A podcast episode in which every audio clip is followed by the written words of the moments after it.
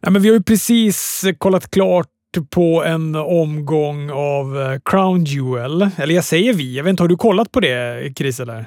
Jo, men jag har kollat sporadiskt eh, under kvällen medan jag har roddat med barn, likt den eh, familjefar jag är. Så man har smygkollat ibland. Jag har lyckats se de två sista matcherna i alla fall och såg slutet på Finn mot Xavier, såg hela Dewdrop mot Selina Vega och hela Omas-matchen också. Det är det jag har sett. Ja, men då har du sett ganska mycket ändå. Ja, det måste jag säga. Jag är lite imponerad. Av dig eller av eh, Crown Jewel? Eh, mer av mig än av Crown Jewel. Jag har ju inte sett Seth mot Edge, vilket jag har förstått var en bra match. Ja, den var kanon. Den var super, super bra. Men vi, vi kommer till Saudiarabien. Jag tänkte vi ska börja i Japan innan vi tar oss dit. Härligt. Det är en liten globetrottande podd denna vecka. Jo, men eh, jag vill börja prata om att Okada vann G1 Climax 31 efter att eh, Kota Ibushi skadade sig i matchen. Oj! Alltså shoot-skadade sig? Ja, jag tror det. Jag har inte sett den här matchen överhuvudtaget själv. Jag tänkte att jag ska se den, men New Japan har ju har ju det här året blivit förpassat till att tittas på när jag har tid. Det vill säga långt, långt efter som det har gått. Men när jag såg rubriken så kände jag så här, det här måste jag ju... Äh, jag, kände att jag kunde inte vänta med att titta på det, utan jag måste läsa vad det är som har hänt. För, för Kota Ibushi i samma mening som skadar sig, då är man ju rädd att karln har dött. Ja, men verkligen. Man får ju så här Hayabusa-bilder i huvudet då. Men tydligen så ska det vara så att Ibushi han misslyckades med att sätta Okada i en Kamagoye och då klättrade han upp på topprepet och skulle göra en Phoenix Splash. Eller skulle han göra? Han gör en Phoenix Splash, men Okada rullar undan och i sekunden som Ibushi då landar på mattan så tar han sig för högerarmen. Och då går domaren fram och kollar bara så att han är okej, okay, men direkt han har gjort det så slår han av matchen och sen så slutar, avslutar de den. Ja, oh, shit alltså. Det låter inget bra. Nej, det låter verkligen inget bra, men det är i alla fall inga armar som har liksom så här flygit till första, första raden i publiken eller sådana saker. nej, nej, nej. Nej, men tråkigt Eller, men vänta, varför har han två vänsterarmar helt plötsligt? Det skulle kunna vara en sån grej också, när Kota Bushi är inblandad i en skada. Ja, verkligen. Ja, ja, vi får väl se. Det blir väl säkert bra. Förhoppningsvis är det inte för allvarligt. Det låter ju för sig som att det är jävligt allvarligt om man bara så ligger och tar sig för armen och man tydligen inte ser någonting, men domaren då bara direkt slår av det. Jag tror de tog bort repen också för att kunna ta ut honom så ostört som möjligt. Oj, ja men då låter det ju riktigt eh, brutet eller krossat eller något liknande. Vi får väl se. Det lär väl, vi lär väl bli varse om det. Jag ska kolla på den matchen. Jag tror att i övrigt så ska den ha varit bra och eh, kortet i sig ska ha varit ganska bra. Men det är ju en publik som är, tror jag inte ens...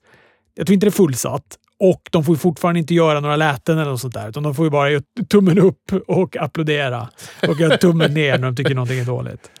Ah, gud, man längtar inte tillbaka till den tiden när det var tummen upp-skärmar på WWE Thunderdome. Nej, fy fan. Då kan jag ju tänka mig att det hamnar ännu längre ner på prioriteringslistan när man måste komma in i ett sånt där vakuum. Det är inget kul. Strong har ju däremot nu börjat eh, köra med publik. Det lockar ju lite grann. Och där, nu är väl Osprey också över i USA och går matcher där, va? Eller i alla fall ska. Vågar vi hoppas på att just i detta nu, att Will Osprey blir lite, lite på pickalurven och pratar med rätt personer på AEW så att han får gå igenom the forbidden door. För just nu sitter ju han på ett kryssningsskepp någonstans utanför Miami. Jaha, varför gör han det? För det är ju Jericho Cruise as we speak. Just nu så twittrar ju folk därifrån. Marco Stunt har gått vilse bland allt folk och vet inte vart hans kompisar är. Luther är alldeles för blek och kommer bli rosa av solen och så vidare. Men visst, där ett tag var det ju prat om att de skulle göra ett Dynamite från den här cruisen, men sen tror jag att de ändrade det och har det kanske på typ i närheten av den eller något sådär. Äh, nu jag bara drar det här. Det låter ju rimligt att det var vad heter det, tanken i och med att det är ju en onsdag. Nej, det här är ju en torsdag. Ja, det är en torsdag. Och Dynamite är ju på en lördag den här veckan. Jag tror att jag... Jo, jag vet, men det kanske de inte visste tänkte jag. Men hela min teori sprack. Jag lovade också dyrt och heligt efter förra podden att vi skulle ha en dubbel i Dynamite. Men, och du vet, det gick så långt så att jag satte mig på torsdag morgon och, och slog på och så bara, men vänta nu, varför finns det inget avsnitt Dynamite? Och sen insåg jag att det är på lördag den här veckan också. Men sen blir det då dubbel i Dynamite, för nästa vecka är det väl tillbaka på onsdag då, fattar jag det som. Ja, det blir härligt. Ja, ja, ja, men du, ska vi ta och prata lite om det här fredagskriget också? Nu känns det ju också himla, himla länge sedan och nästan lite gammalt, men... Nej, men det eh, kan inte bli gammalt, för Tony Khan är ju så arg och Eric Bischoff är arg och alla är arg. Det är ju så himla härligt. Jag älskar fredagskriget. Det är det bästa som har hänt i mitt liv på länge, länge, länge. Du ska få uppdatera mig om det där med Bischoff och, och Tony Khan och det, vad de bråkar om. Jag har inte riktigt tänkt med på det. Men eh, vilken, eh, vilken kanonhelg vi hade. Alltså, Bayern var kanon, Rampage var kanon, Smackdown var kanon och sen dagen efter var det Dynamite som var kanon. Ja, det är helt sjukt. Jag tycker att... Eh, eh, fan, vi får väl kalla det krig. Får vi kalla det för krig? Är det ett krig nu eller? För det tar ju fram det bästa ur dem. Det går inte att säga någonting om det. För nog fan steppade WWE upp med sin Smackdown-show. Vi som har klagat på att Smackdown har varit tråkigt. Men här fick vi ju ett kanon-Smackdown. Vad är kriget här nu då? Det, det, är, det är Eric Bischoff som tycker att Tony Khan ska tagga ner lingot, eller? Ja, men Eric Bischoff, och jag tycker ju att Eric Bischoff har en bra poäng här. Han säger att men det här är inte ett krig. Du kan inte jämföra det här med WCW ah, 1996. Det är inte ens head-to-head. Ni har mött varandra head-to-head en gång på helt olika premisser när de flyttar Smackdown till FS1. Gå och lägg dig Tony Khan. Kom tillbaka när du vågar gå upp mot Raw på måndagar. Annars gör du inte alls som WCW. Då sitter du där och så delar ni på publiken. Ni krigar inte om den och kollar vem som får behålla demon, utan ni, ni delar ju på de här. Om, om Dynamite gör en bra rating på onsdagen, det är ingenting som hindrar Raw från att göra en lika bra på måndagen. För att det kan vara samma personer som tittar. Så gå och lägg dig nu Tony Khan. Kom tillbaka när du skaffar lite större kulor och gör som jag gjorde. Var på Tony Khan.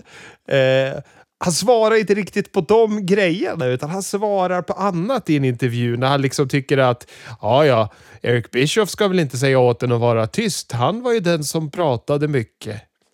Alltså det blev ett jättekonstigt svar på det hela. Och då har ju Bischoff i sin tur nu gått ut och sagt att the truth hurts.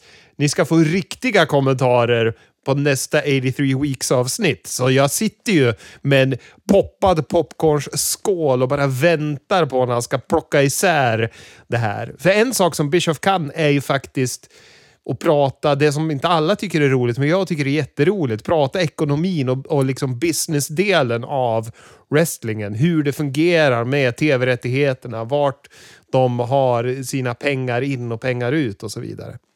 Ja, ja. Jo, men, och jag tycker också att han har en poäng i det här, Bischoff, det han säger. Alltså, det här är ju en once in a lifetime. Men å andra sidan tycker jag så här att Tony Khan har väl all rätt att få gotta sig lite i det, för det var ju inte hans som började riktigt heller, utan det var ju, alltså de hade ju ett helt rampage klart och sen kommer WWE och gör som WWE gör också, att de aldrig förannonserar någonting, så de kan ju hålla på eh, jiddra med det där kortet bäst de vill, bara för att det ska passa dem så bra som möjligt också, vilket de också gjorde.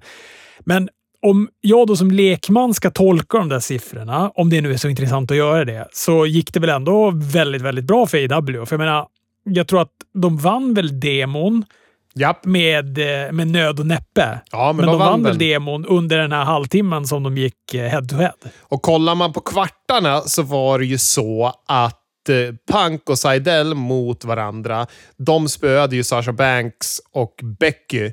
Och sen så vart det oavgjort mellan kontakt, kontraktskrivningen mellan Brock och Roman mot Ruby Soho och The Bunny. Och här har ju MJF kommenterat. Har du hört de kommentarerna? Nej, låt höra. Alltså de är ju... De är ju det, han är ju en riktig jävel. Men han, vad heter det, han kommenterar ju bland annat att, vad heter det, ja men jag säger ingenting om att Roman är... Han är en jättebra brottare, han är grym. Han är inte lika bra som mig, men han är grym. Jag skulle jättegärna vilja möta honom någon gång. Vem vet, jag kanske jobbar åt dem något tag. Så att det är skitsamma. Men han förlorade mot Ruby Soho och Ruby Soho sucks. Ja, den matchen var ju rätt usel också. Eller usel var den inte, men den, Ja. var, den var ju ganska svag i alla fall på Dynamite. Den matchen, får jag säga. Oh ja. Oh, oh ja. Men ja, ja, okej. Men det är ju då... Det är ju, för jag menar, VVE, det, deras svar på det här nu är ju att nästa gång som de är på FS1, då kommer de ju då stänka upp ett talking smack jämte, ja. jämte Rampage. Och då kan man ju ta sådär jättehöga högt förtroende för sig själv, att man ska liksom vinna och tittarkrig eller någonting. Nej, men då, det där är ju att vifta vit flagg för fan. Alltså, vi klarar det inte. Och det roliga är, och här tycker jag också att Tony Khan hade en poäng, för han sa det att jag tänkte boka om. Jag tänkte göra så att vi skulle få större matcher på Rampage, så att det skulle liksom vara i, mer i våran favör. Men jag, nej, jag har ju lovat de här matcherna, så vi kör på dem. Så de fick möta ett vanligt Rampage, inget speciellt alls, förutom att det är bra shower då. Men de satte upp liksom main event-kvalitet mot det och de vann ändå inte. Det är så tråkigt för stackars WWE. Eller, det är väl ingen stackars med dem, men ändå.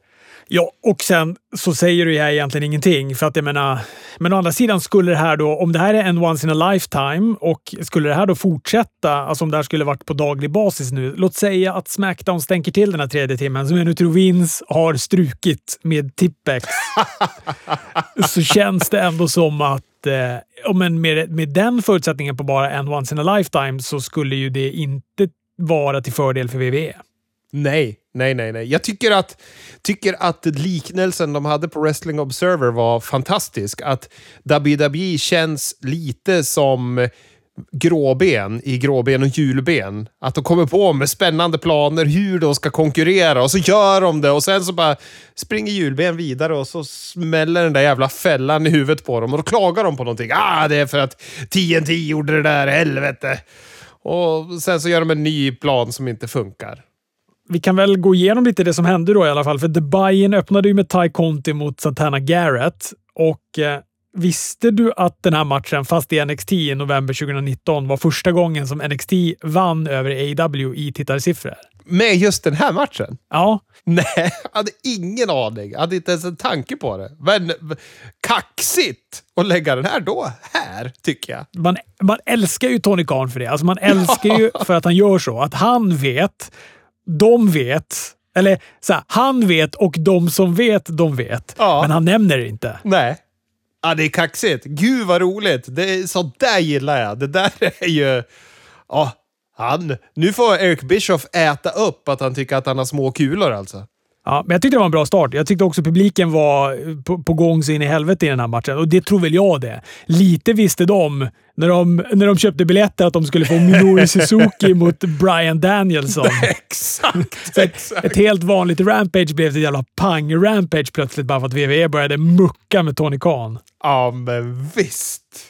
Men det var ganska nersläckt och så var det ovanligt nedsläckt. Jag tyckte det såg snålt ut med publik på Rampage. Ja, jag tyckte nästan det såg lite ut som de här Orlando-tapingarna de har. Just eh, på, om man kollade på hardcam-sidan. Det var lite sån etageuppbyggnad av arenan också. För där slår ju, alltså WWE är ju så otroligt mycket mer visuellt imposant. Alltså de, när man då slår på Smackdown så bara är det så gigantiskt och det är så fruktansvärt mycket folk som är på plats också. Ja, ja, men visst. Verkligen. Eh, Conti vann den matchen. Rent brottningsmässigt hade den sina skavanker, men publiken lyfte den. Eh, Bobby Fish eh, grejade matchen mot eh, Lee Moriarty. Jag gillade han, den här Moriarty-killen. Det är ju en karismatisk snubbe det där. Ja, ja, jag håller med. Och jag tycker även att Bobby Fish har sett pigg ut nu i AEW. Det gör mig glad. Han, den här, han gör ju en exploder in i repet som Lee tog. Han tar ju fallet mitt på gässan på huvudet, vilket såg helt galet ut. Ja, fy fan. Men det är kul också att publiken har lite svårt att bestämma sig vem de ska heja på i den här matchen. Verkligen. Och det tycker jag är bra, men det kan också det kan ju frånta matcher ibland. Men jag gillade det här på något vis. Men du har också någon sorts sajda-förmåga, Chris. För att efter så kommer ju då Tony Khan in och ger Lee Moriarty ett AW-kontrakt. Något som du sa redan hade hänt i förra episoden av den här podden. Jag vet, men han hade ju tydligen bara gett honom en chans på det där kontraktet då, så hade väl inte Moriarty tackat ja eller nej?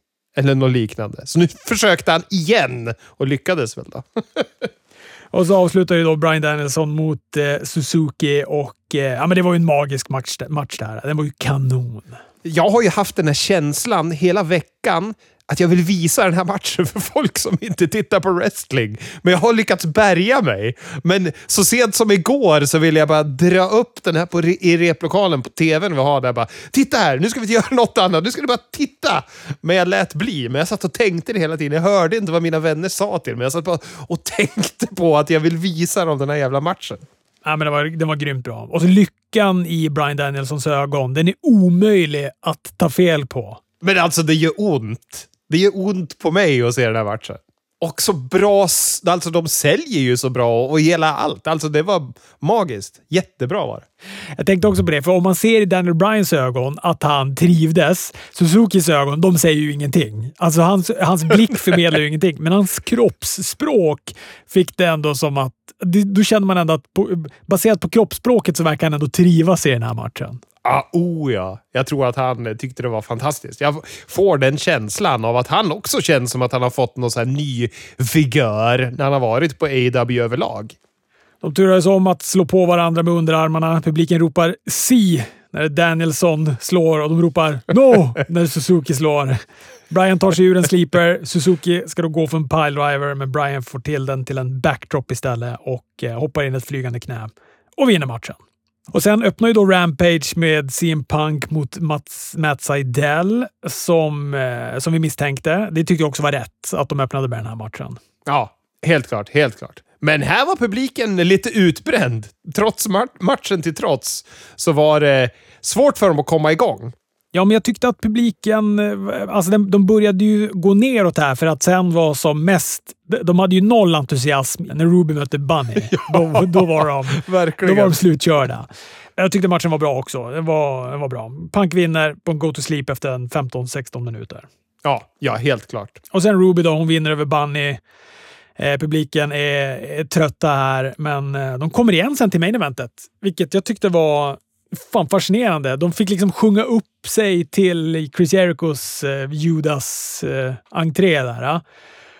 Och sen var det en jävla fart på dem. Dos Santos och Men of the Year mot Chris Jericho, Sammy Guevara och Jake Hager i en väldigt, väldigt kul match. Ja, och det känns ju som att den här angeln faktiskt är lyckad. Jag tycker att det var mycket... Det kändes som att det var mycket på spel. Publiken var investerad i att de här jävla American Top Team är ärkerövar. Och det är ju superhärligt. Han Dos Santos tyckte jag var bra. Jag tycker han levererade bra wrestling ändå. Ja, jag är superöverraskad. Jag trodde vi skulle få en sån där Kane Velasquez-grej. Han som klev in på en Crown Jewel och aldrig klev tillbaka. Men det fick vi ju inte. Jag tyckte han kändes liksom trygg och självsäker i ringen. Ja, tog ett spott genom ett bord och sådär också. Sålde det bra. Ja, men jag, jag, tyckte det var kul. Jag hade ju inte inte så jättehöga förväntningar på den här matchen, men jag blev glatt överraskad. Jag, var, jag gillade den här main eventet jättemycket.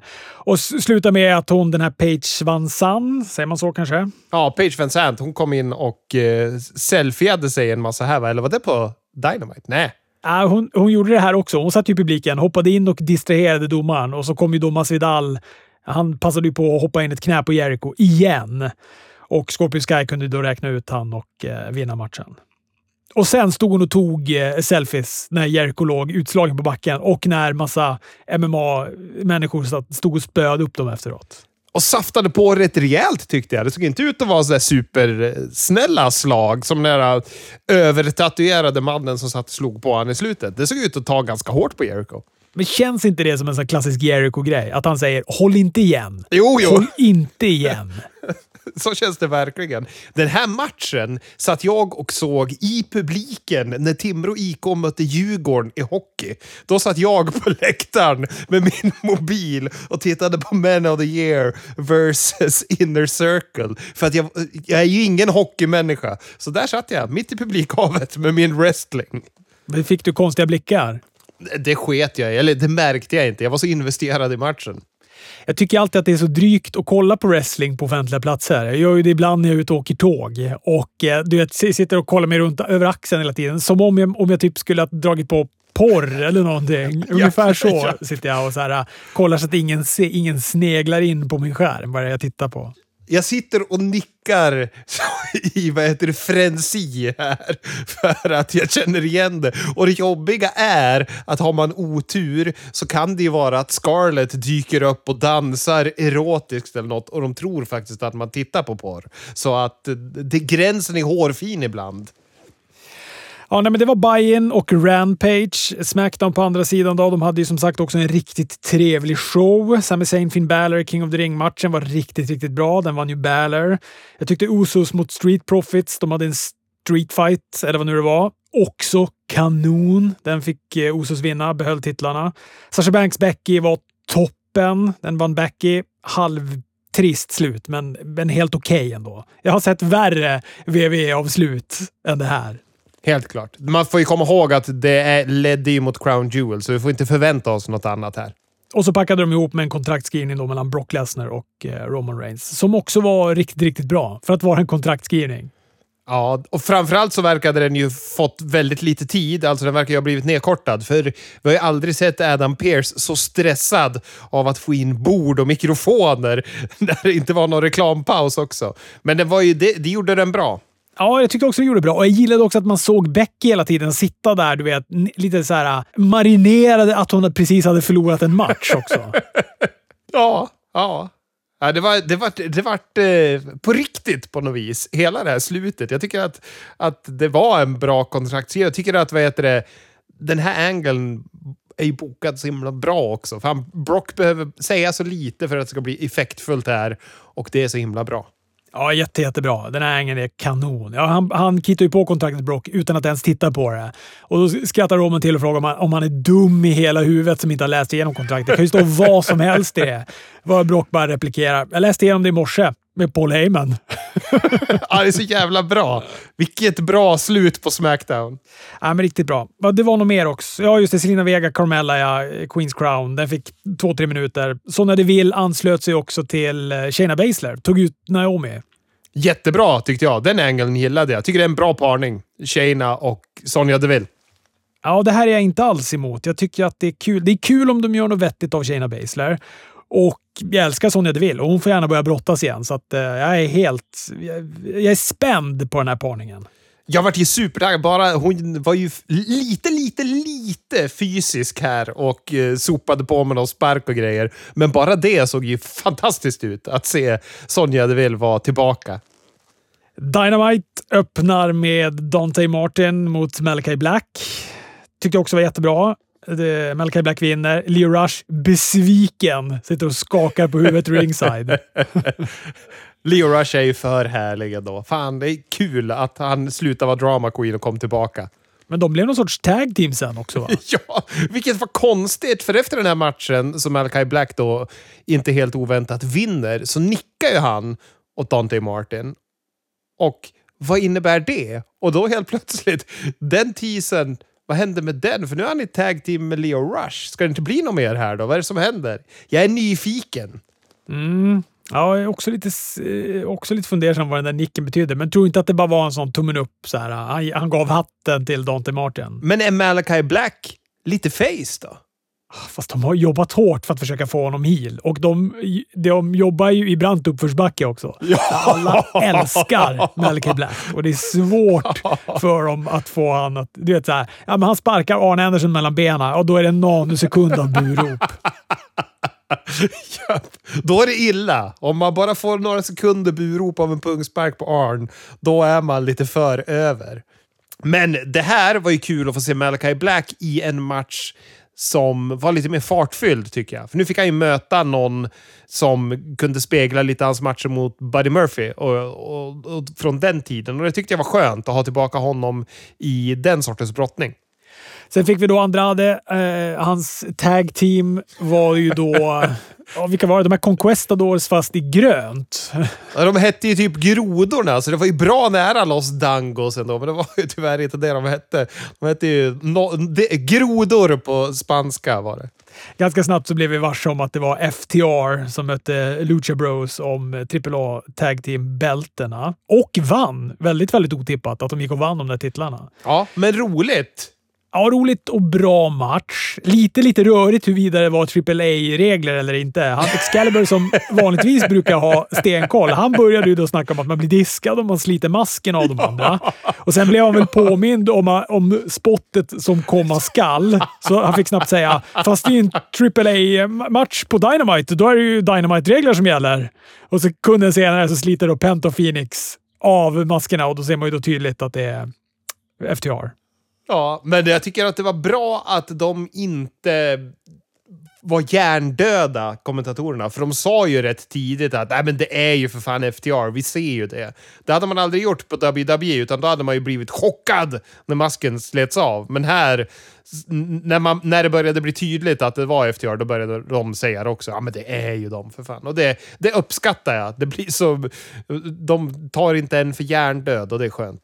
Nej, och eh, framförallt när det också är Sim Punk som sitter där. Han ska ju aldrig gå med på det. Han ska ju aldrig gå med på att sitta och skådespela att han inte känner igen de här två. Han sa väl typ ganska direkt att det var FTR, eller typ om man sa så här hmm, hörni, ska vi ta och adressera elefanten i rummet här? Typ när de klev in på, på rampen. Men också apropå CM Punk, så han var ju väldigt duktig på att säga fel den här gången. Alltså han sa ju WWE Champions och, och så vidare. Men jag tycker att han var, han var kung då som säger till JR, ah, nu vet ju folk att det här är svårt, att det inte är du som gör fel. Det är bara svårt. Och då skrockade ju JR, men det måste nog ändå ha svidit lite.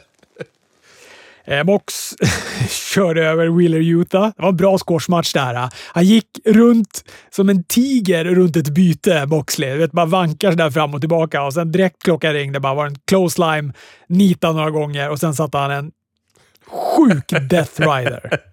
japp, japp, japp, japp.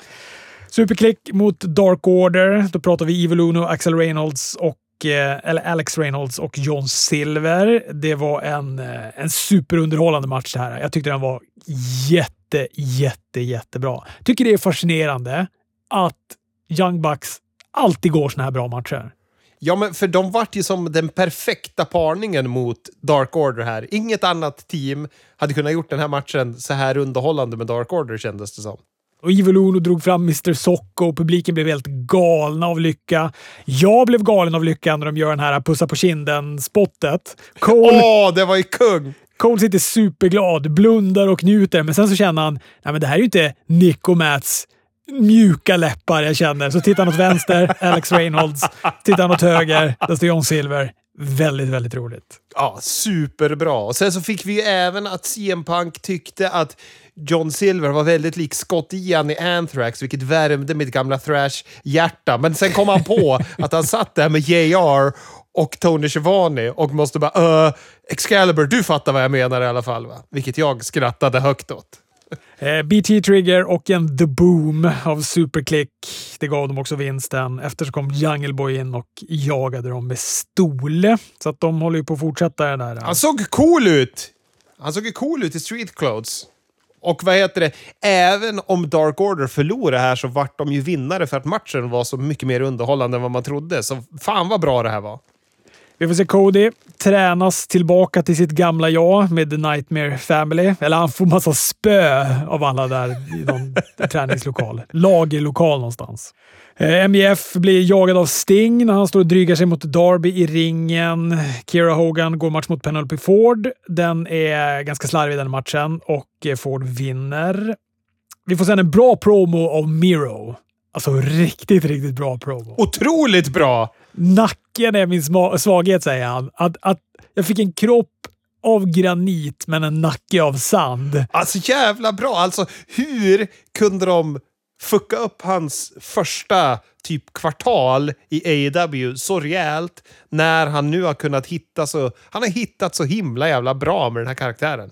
Jag gillar också att de är vokala med att nacken är hans kryptonit, för det där kommer ju bli att varje gång han åker på en DDT eller något sånt där så kommer man ju tänka oh, nu jäklar. Eller du vet om han möter Darby eller något sånt där som är mycket, mycket mindre.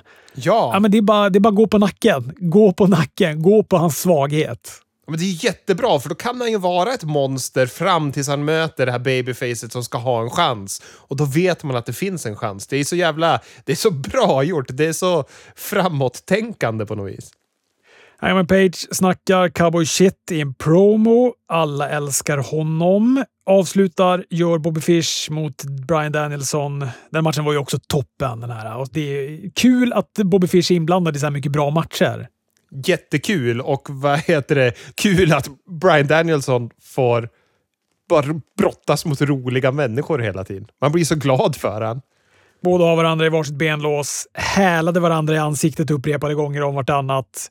Sen snabbt vrider Brian in ett heelhook och Fish tappar ut. Det kändes ju som en kamp där i slutet speciellt och jag tyckte det var så jävla snyggt och bra. Rå vi kan väl ta lite Raw, även om det nu var mycket som handlade om Crown Jewel. Men den stora matchen, eller det som liksom var ryggraden för hela det här Rawt, det var ju då att Bianca skulle möta Charlotte Flair om Raws eh, titel. Och eftersom det här var då sista Rawt innan brandsplitten träder i kraft, med andra ord då Charlottes sista kväll på Raw, så talade ju då allt för att hon skulle, skulle tappa den här titeln här. Ja. Men inte inte det. Eh, och inte nog med det, så gör de också det sämsta tänkbara slutet på den här matchen. Alltså jag blev så nedslagen när jag såg det här. De gör, de gör kanonbra match. Alla älskar den. Publiken är med på allt. Alla vill att Bianca ska ta den här titeljäveln. Men ändå så landar det i en diskvalifikation. Ja. Det är så onödigt på något vis. Jag vet inte. Man blir ju, ja, man blir ju förbannad. Men likt du kommenterade efter vi hade sett klart Raw, de klippte ganska fort när det tog slut. ja, men det var ju som att de visste att if Bianca lose, we riot. Det var ju så de visste att den här publiken kommer inte bli glada av det här slutet vi har. Så gå så att vi är liksom 36 sekunder tjocka så vi sen bara kan klippa rakt av. Och det som står mig ja. ännu mer är att efter den här matchen, så direkt då som, eh, som uh, hon har blivit diskvalificerad, Charlotte Flair, så tar ju då Bianca stolen av Charlotte och börjar slå på henne. Varav Corey Gray säger att ah, hon förlorade titeln, men hon eh, slutar ändå i dur för att hon får slå på henne här. Du vet, det så här, de reducerar ju titeln till ingenting. Ja, verkligen. Det är så jävla dumt. Och det är synd, för det var en bra match. och Det var de bästa nearfallsen jag har sett i en wrestlingmatch på jag vet inte hur länge som helst. För ja, de var fantastiska och det var aldrig att någon av de två tittade efter domarens hand. De brukar alltid göra det tyvärr, brottare. De tittar efter när den precis nästan har kommit ner. Men de här tittar ju åt helt annat håll än där domaren ens var. Så det var så jävla spännande match tills den här skiten. Ja, men alltså, det är 20 minuter toppmatch det här. Det är 20 minuter toppmatch och så det här bedrövliga slutet. Ja, fy fan. Ja, det är dumt. Det är dumt. Det är förolämpande mot mig. Det är förolämpande mot Bianca Belair och det är förolämpande oh. mot samtiden. Det, här. det är så bedrövligt så det finns inte. Verkligen. Eh, annars var det mycket då som bullade upp inför Crown Jewel som vi ska prata om snart. Vi fick ju Xavier Woods, han vann över Jinder Mahal, King of the Ring-semin. Eh, Jeff Hardy gick mot Austin Theory. Tyckte det var en ganska bra match. Det är väl bokslut på de här nu. Austin vinner. Jeffan får sista, sista slaget eftersom han då hoppar på, eller han gör väl en twist of fate, eller vad han nu gjorde på Austin Theory efter den här matchen. ja, vad han än gjorde så landade det på golvet på klippningen. Så att... Dolph och Robert Roode de förlorar mot Drew och Big E. Trots att de slog halvt ihjäl varandra förra veckan så ska de ändå då vara tag team den här veckan. Besynnerligt. Men det gick ju vägen. Så de eh, stod, och så stod de och tuppade lite sig mot varandra efteråt. Men matchen i sig var bra. Absolut. Eh, Randy Orton och Riddle gick en ganska kul match mot Street Profits. Det var ett svagt slut, men eh, matchen i sig var bra. Orton var redo för en RKO, blev distraherad av AJs introlåt. In på entrélampen kom istället Omas. Men så fort Randy vänder sig om så kommer då en phenomenal forearm också av AJ Styles, vilket resulterade i en diskvalifikation. Men jag tycker att det var kul med en ny typ av match. Randy Orton och Riddle mot Street Profits. Ja, oh ja. Och Montez Ford. Fy fan, någon måste ju ha pratat med honom backstage och sagt “We've got big plans for you pal”. För han utstrålar ju ännu mer självförtroende än vad han har gjort tidigare nu tycker jag. Det bara rinner av han. De halkar ju runt i hans självförtroende för att han ser ut att vara så självsäker. Doudrop vann över Shayna Baszler, avancerade till finalen i Queens Crown. Finn Balor vann över Mace. Det var en ganska icke-match, förmodligen bortklippt på den versionen du såg. Ja, men jag fick ju se Mace! Jag fick ju se Mace för första gången sen forever. Och det var ju inte så bra, han, tyvärr. Fan, de skulle kunna få honom att se riktigt cool ut, tänker jag. Men nu springer han ju runt med så Stevie Richards korta avklippta jeans, shorts med cykelbyxor under. Det är ju inte så tufft. Nej, men han har ju looken Mace, helt klart. Så att, eh... Ja, jag tycker att han har jättebra look. Han, ser ju, han är ju både liksom kan ju se farlig ut, men han är, även så är han ju en ganska stilig kar också. Så att han har ju mycket going for him i looken. Och sen avslutar de då med den här Bianca Belair mot Charlotte Flair-matchen. Som sagt, det var en kanonmatch. Det var ett uselt slut. Massa ner falls mot slutet. Charlotte med en spear och ett pinfall till nästan tre. Missade en moonsault. Blair sätter då en release German suplex. Följt av ett pinfall till nästan tre. De knölade på uppe på ringstolpen ett tag tills Belair Eh, får till en Sunset Flip Powerbomb. Charlotte plockar då fram en stol, nitar henne och eh, det blir diskvalifikation. Men ändå ett underhållande Raw tycker jag. Alltså, det var ett bra Go Home Raw inför Crown Jewel. Jag tycker WWE har steppat upp rejält på slutet. Jag är bara glad för det. Det är länge sedan vi hade ett riktigt, riktigt skit-Raw faktiskt. Jo, Alltså, Rawt var bra. Jag tycker de gör ett jättebra jobb genom att bulla upp för Crown Jewel. Alltså, Crown Jewel känns ju typ som ett WrestleMania. Det är ju, det är ju inget snack om att det är inget snack om att de inte lägger krutet på Crown Jewel. Nej, nej så är det ju verkligen. Men jag tror också bara att det här slutet med Bianca Blair, Charlotte Flair Oh, jo, att jag får så dålig smak i munnen och då blir jag besviken. Alltså det, det är det här det slutar med och då känner jag ju... Då, då, min instinktiva känsla när jag tänker på förra veckans Raw så känner jag ju, eller på den här veckans Raw, så känner jag ju, ah, skit. Ja, och så är det. Och det är synd. För om, man skulle bara kunna klippa bort det där och ha fått ett riktigt slut, då hade det varit en jättegod känsla in till Crown Jewel. Men de måste sluta med de här diskvalif diskvalifikationssluten. Alltså, de har ju gjort fler sådana än vad jag har ben i min kropp jävel. Alltså, det är så fruktansvärt ja, ja. mycket diskvalifikationsslut och det är så tråkigt att se. Ja, Ja, det är, blir, det, ingen vinner ju på det. Det är så jävla dumt. Crown Jewel då. Jag missade ju tyvärr den här pre-showen för jag satt i en bilkö, men jag läste att Usos vann över Hurt Business och att det var en ganska bra match.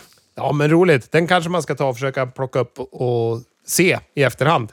Den var ju bara lite apart tycker jag, för den kastades in lite i sista sekund. Och, ja. och så gällde den inte titeln. Varför kunde inte den här gälla titeln? Det var väl ingen som hade trott ändå att uh, Hurt Business skulle vinna den här matchen. Nej, Även om den gällde titeln. Exakt. Det var som att de har glömt titelbältena. Ah, okej, okay. skulle vi ta med dem till Saudiarabien? Ah, tyvärr. De, de har vi missat att få med. Ah, ja, skitsamma. Då får det vara en icke-titelmatch där då. Men, eh, men det, det, jag, jag litar på rapporterna att det här var en bra match. Ja, men det tror jag. Det är ju fyra väldigt bra brottare också, så att, eh, nu är det klart att det här var bra. Ja. Och det är också ett sätt att få in Usos. Man förstod ju att de skulle vara inblandade i main eventet eftersom de tryckte in den här matchen också. Ja, exakt. Eh, det började med en Hell in Cell, Edge mot Seth Rollins. Den matchen var den var jätte, jättebra, Chris. Den var super, super bra. Du ska verkligen se den här. Ja. Det, det enda som jag reagerar på är att Edge hade någon sorts Harry Potter glitterfärger på sig, vilket störde mig. Rött och gult. Är det Gryffindor eller? Jag är dålig på min Harry Potter, men, men det var i alla fall märkbart att det var Harry Potter-stil på hans kläder. Aj då. Ja, men det är nog Gryffindor. Det stämmer nog. Jag har ju läst de där böckerna för min son. Så. Rollins fick också You Suck Chance. Jag gillade publiken. Jag tyckte de var ovanligt... Eh, för det har ju varit lite si och så med publiken i Saudiarabien på de här eh, tidigare giggen de haft där. Ja, men den har tagit sig. Men det kändes som att de verkligen kunde produkten. Precis. Det är långväga från första gången de hade Crown Jewel när första parkett var fullt av så här lazyboy-fåtöljer och satt shaker med sina familjer och tittade på telefonerna. De var som jag på hockeymatch. De tittade kanske på hockey på sina telefoner, de på wrestlingen. Det var bara så här saccosäckar som det satt helt ointresserade människor på första raden. Nu var det ändå så lite pigga barn som satt långt Ja! fram att vara med på noterna. Vad heter det? Det var ju till och med en skylt. Jag såg det, en, en screenshot från den här matchen, just LNSL-matchen, där det var någon i publiken som hade “All my homies love the acclaimed”. Det tyckte jag ändå var strångt i Saudiarabien. Man ska ju ändå komma ihåg att eh, hälften av dem är ju vad heter det, homosexuell och vad heter han, Max Caster tycker ju väldigt mycket om att spela på sådana strängar också. Så att det är nog lite kaxigt att hålla upp en sån skylt i Saudiarabien. Eh, nej, men det här var en jättebra match. Du borde verkligen kolla upp den. Fränt spot också när Rollins har klättrat upp på ringstolpen och ska göra något därifrån. Då Edge bara pingnar till lite snabbt, rusar fram och puttar ut Rollins så att han åker då först in i stängslet, alltså burstängslet, och så sen då ramlar ner på ett bord som går sönder. Riktigt, riktigt coolt var det. Coolt. Eh, det kom in lite stolar, det var en stege, det var någon verktygslåda med också. Edge gjorde den här crossface-varianten med skiftnyckel i munnen istället för bord, stolsben som man använt sig av eh, tidigare. Eh, sen satte han en curb stomp och vann matchen. Vem satte? Satte Seth Rollins en curb stomp och vann? Nej, Edge satte curb stompen på, på Seth Rollins. Jaha! Okej, okay, han satte en curbstomp. Efter han hade torterat han med crossface med, med skiftnyckel i munnen så, så släppte han. Alltså Ed, eller Seth Rollins var ju så nära på att tappa, men så släppte han helt plötsligt. Och så såg man att han fick något pilimariskt i blicken och så hoppade han in en curbstomp på en stol istället. Avslutade han så. Nice. Hoppas de eh, avslutar den här uh, faden nu då. Det låter som ett lämpligt sätt att avsluta den på. Ja, nu får det vara bokslut på den där. Jag känner att jag, nu har jag sett den här matchen ganska många gånger. Mycket tid fick de också. Jag tror att när den här matchen var klar så hade det gått... Jag vill säga, art, klockan var typ 18.43. Jag var så 45 minuter in i showen. Nu hade det ju varit ett ganska långt videosegment innan också. Men ändå väldigt långt och jag tänkte så här, äh, ska det hålla på så här och vara tio matcher, då, då kommer vi få hålla på länge.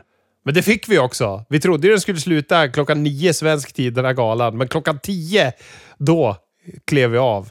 Ja, precis. Fyra timmar var det Jag kollade ju på, på VVA Network. Då kan man ju se när, när de har beräknat att nästa grej ska börja efteråt. Och då stod det 21.00. Så det var därför jag trodde den skulle bara hålla på tre timmar. Men icke!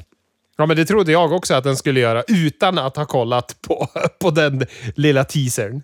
Eh, sen fick vi Mansour mot Mustafa Ali. Den gjorde sitt. Hemmasonen fick vinna. Eh. Det kom in någon kampsportskille här eller? För jag såg bara slutet och då var det någon med en gi helt plötsligt och Mansour. Så nu måste du vad heter det, upplysa mig vad fan som hände här.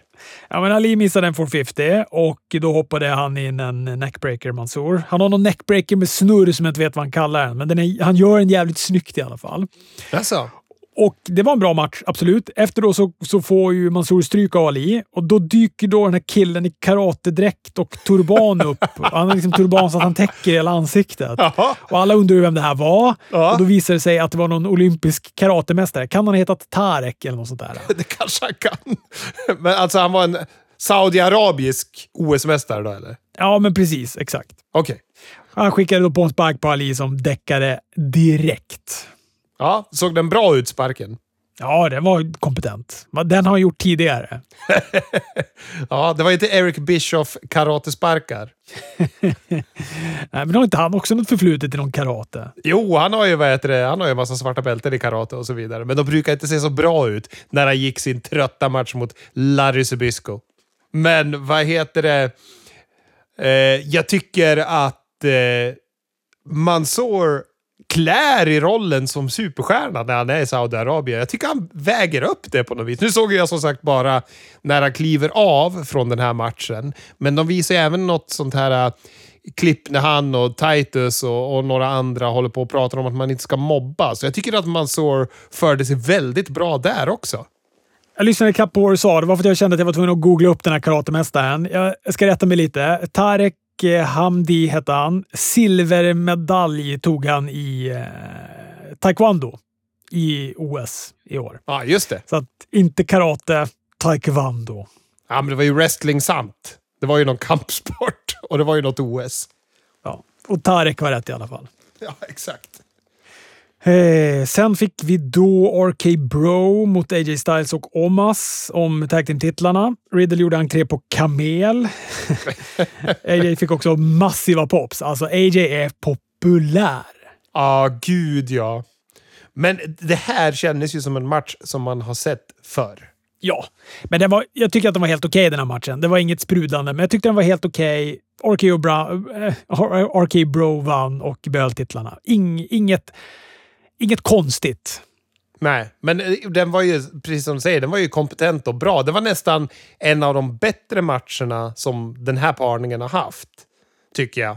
Men det är ju för att de är duktiga på att få bort Omas ur bilden. Så de kan ha en habil match. Liksom. han är inte bra alltså. Nej, han är ju inte det. Vi fick sen då Queens Crown Tournament-finalen. Selina Vega mot Doudrop. Den vann Selina. Gjorde en sjukt snygg Code Red. Och då är det väl kanske egentligen Doudrop som ska ha all cred ja. för, att, eh, för att man utför den. Ja, verkligen. Men den var snygg. Ja, den var riktigt snygg. I övrigt så var det en match som mest var där.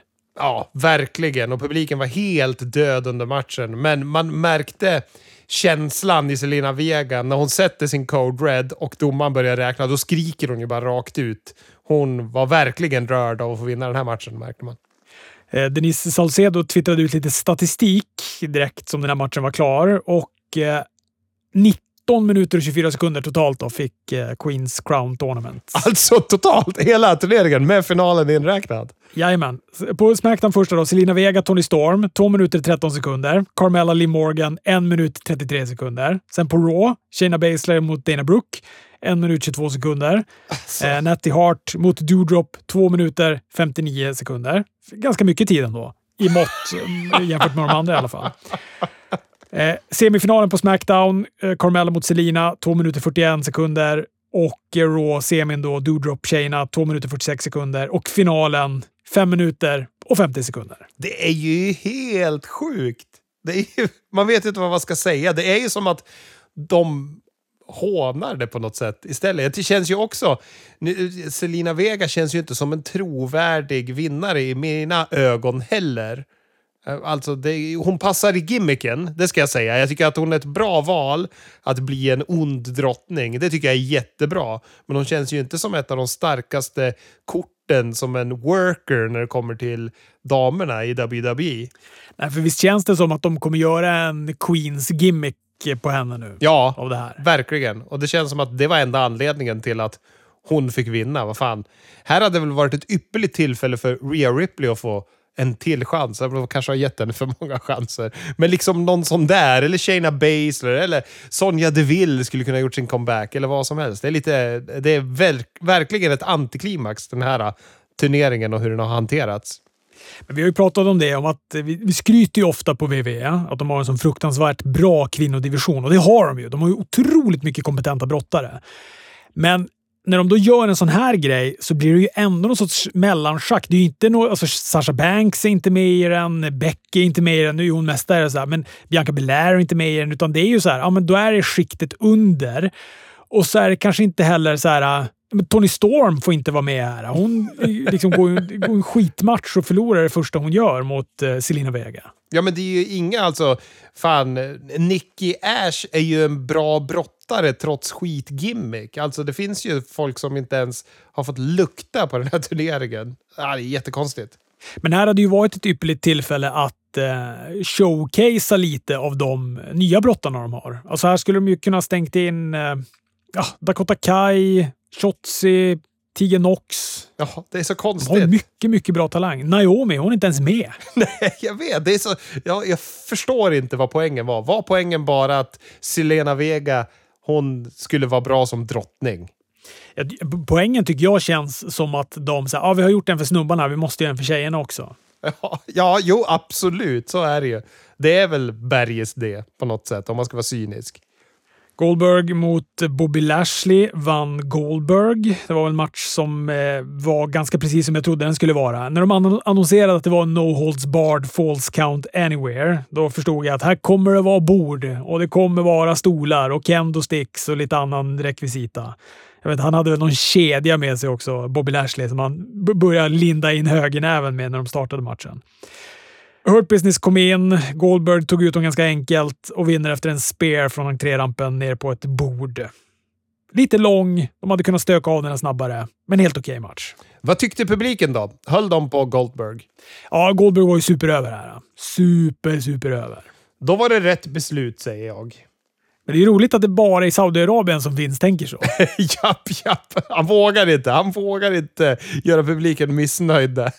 Ja, men det här var ju så här WrestleMania. Det var jättemycket face som vann. Alla som var poppis vann. Det, det var inga sura miner. Det var omöjligt att gå härifrån och vara besviken. Ja.